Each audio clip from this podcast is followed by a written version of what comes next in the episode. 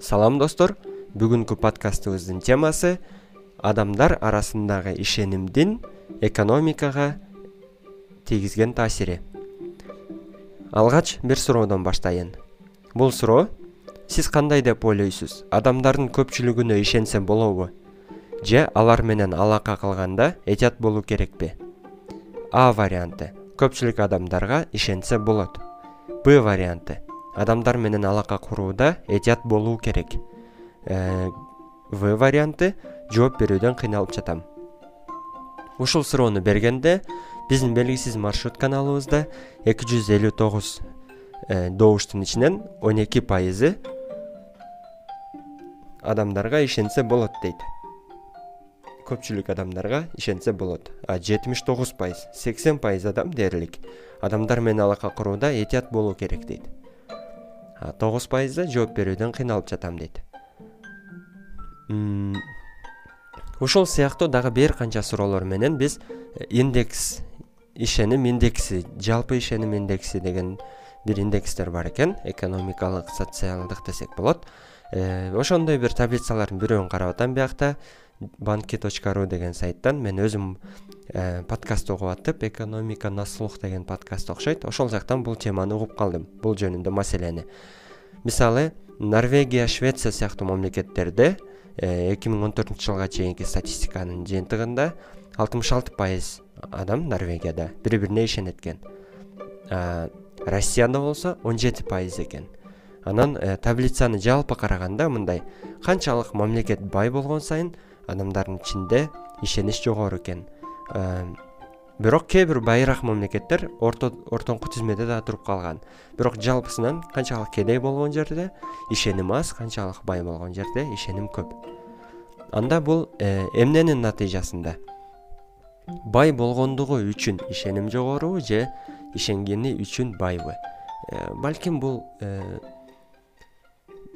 бай болгондугу үчүн бир жагынан ишеним жогору деп ойлойм бирок экинчи жагынан дагы канчалык адамдар бири бирине ишенсе экономикага бул өтө жакшы таасир берет экен дагы э, эмне болот экен? Мисалы э, бизнесмендер биринин бизнесине экинчиси инвестиция кылганда оңой инвестиция кылат экен ишеним болот экен. Э, мисалы сени алдап кетпесин деп аны этияттап жүргөн акчаңа ишенип ишенсең эконом кыласың. Демек ошол анын көзөмөлдөгөнү кетирген каражатыңды башка пайдалуу жакка кетиргени мүмкүнчүлүк болот. Буга бир мисал катары мен подкастты угуп атканда өзүмдүн э, велосипедим боюнча окуяны айтып кетсем.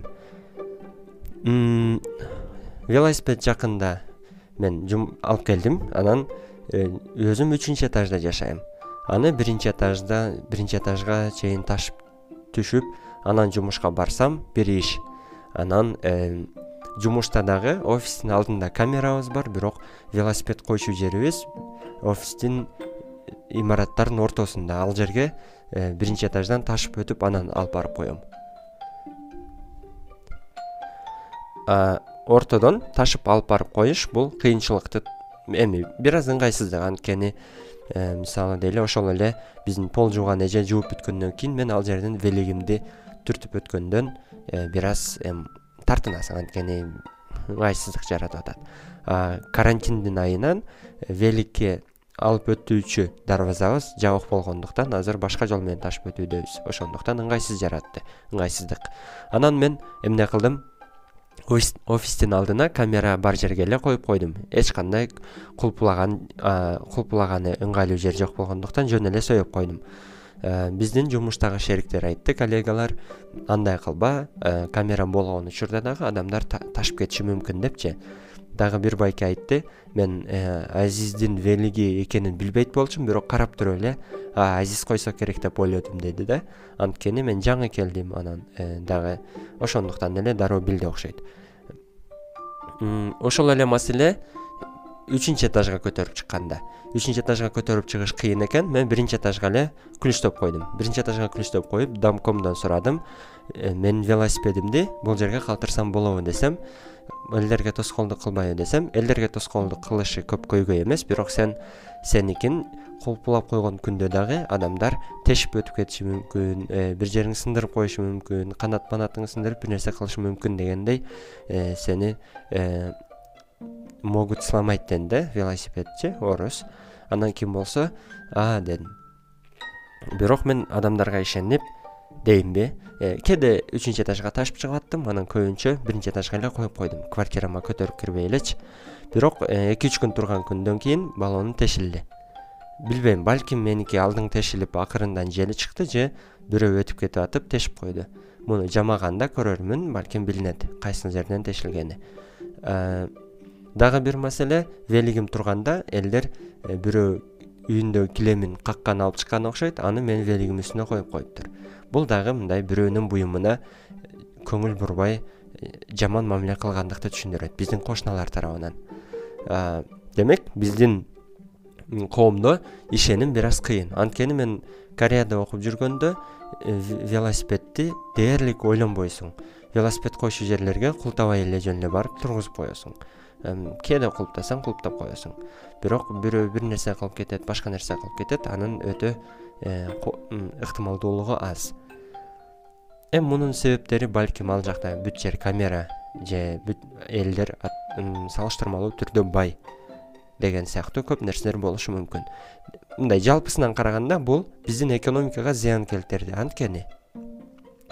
Мен күндө ташып кыйналгандын ордуна эмне кылмакмын Э, ошого кеткен энергиямды жумушка башка нерсеге кетирсем мага убакыт үнөмдөлмөк э, энергия үнөмдөлмөк. А мен энергиямды башка нерсеге коротуп жүрөм. Анын коопсуздугун көзөмөлдөгөнү. Ушундай нерселер бар экен. Бул эми мен үчүн мындай жөн гана кызыктуу бир э, эмне болду десем болот да.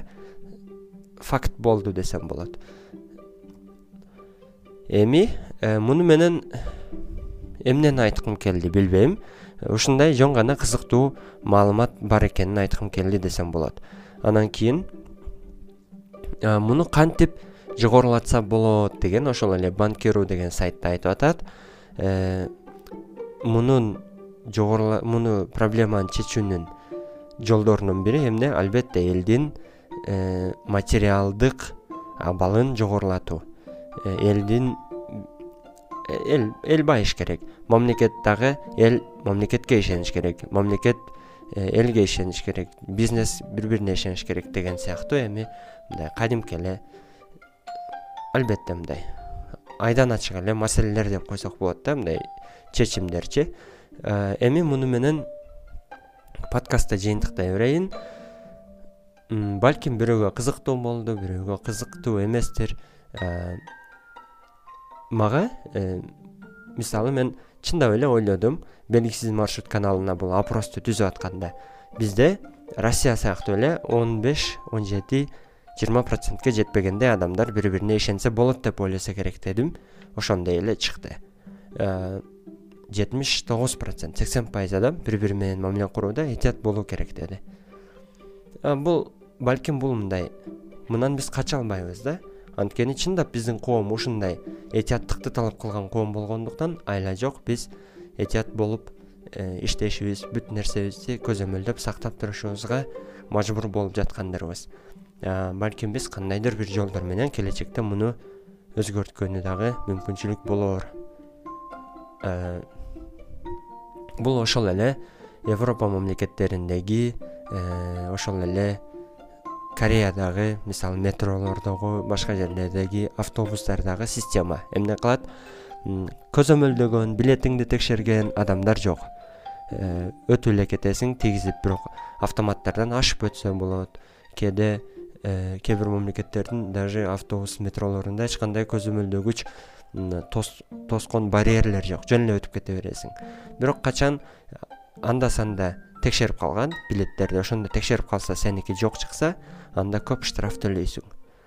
Э, бирок негизинен адамдар бири бирине ишенет бул болсо ошол күндө көзөмөлдөп турган адамга айлык берип көзөмөлдөткөндүн ордуна ар бирин көзөмөлдөткөнү кеткен убакыттын ордуна чоң бир үнөмдөө болуп жатат.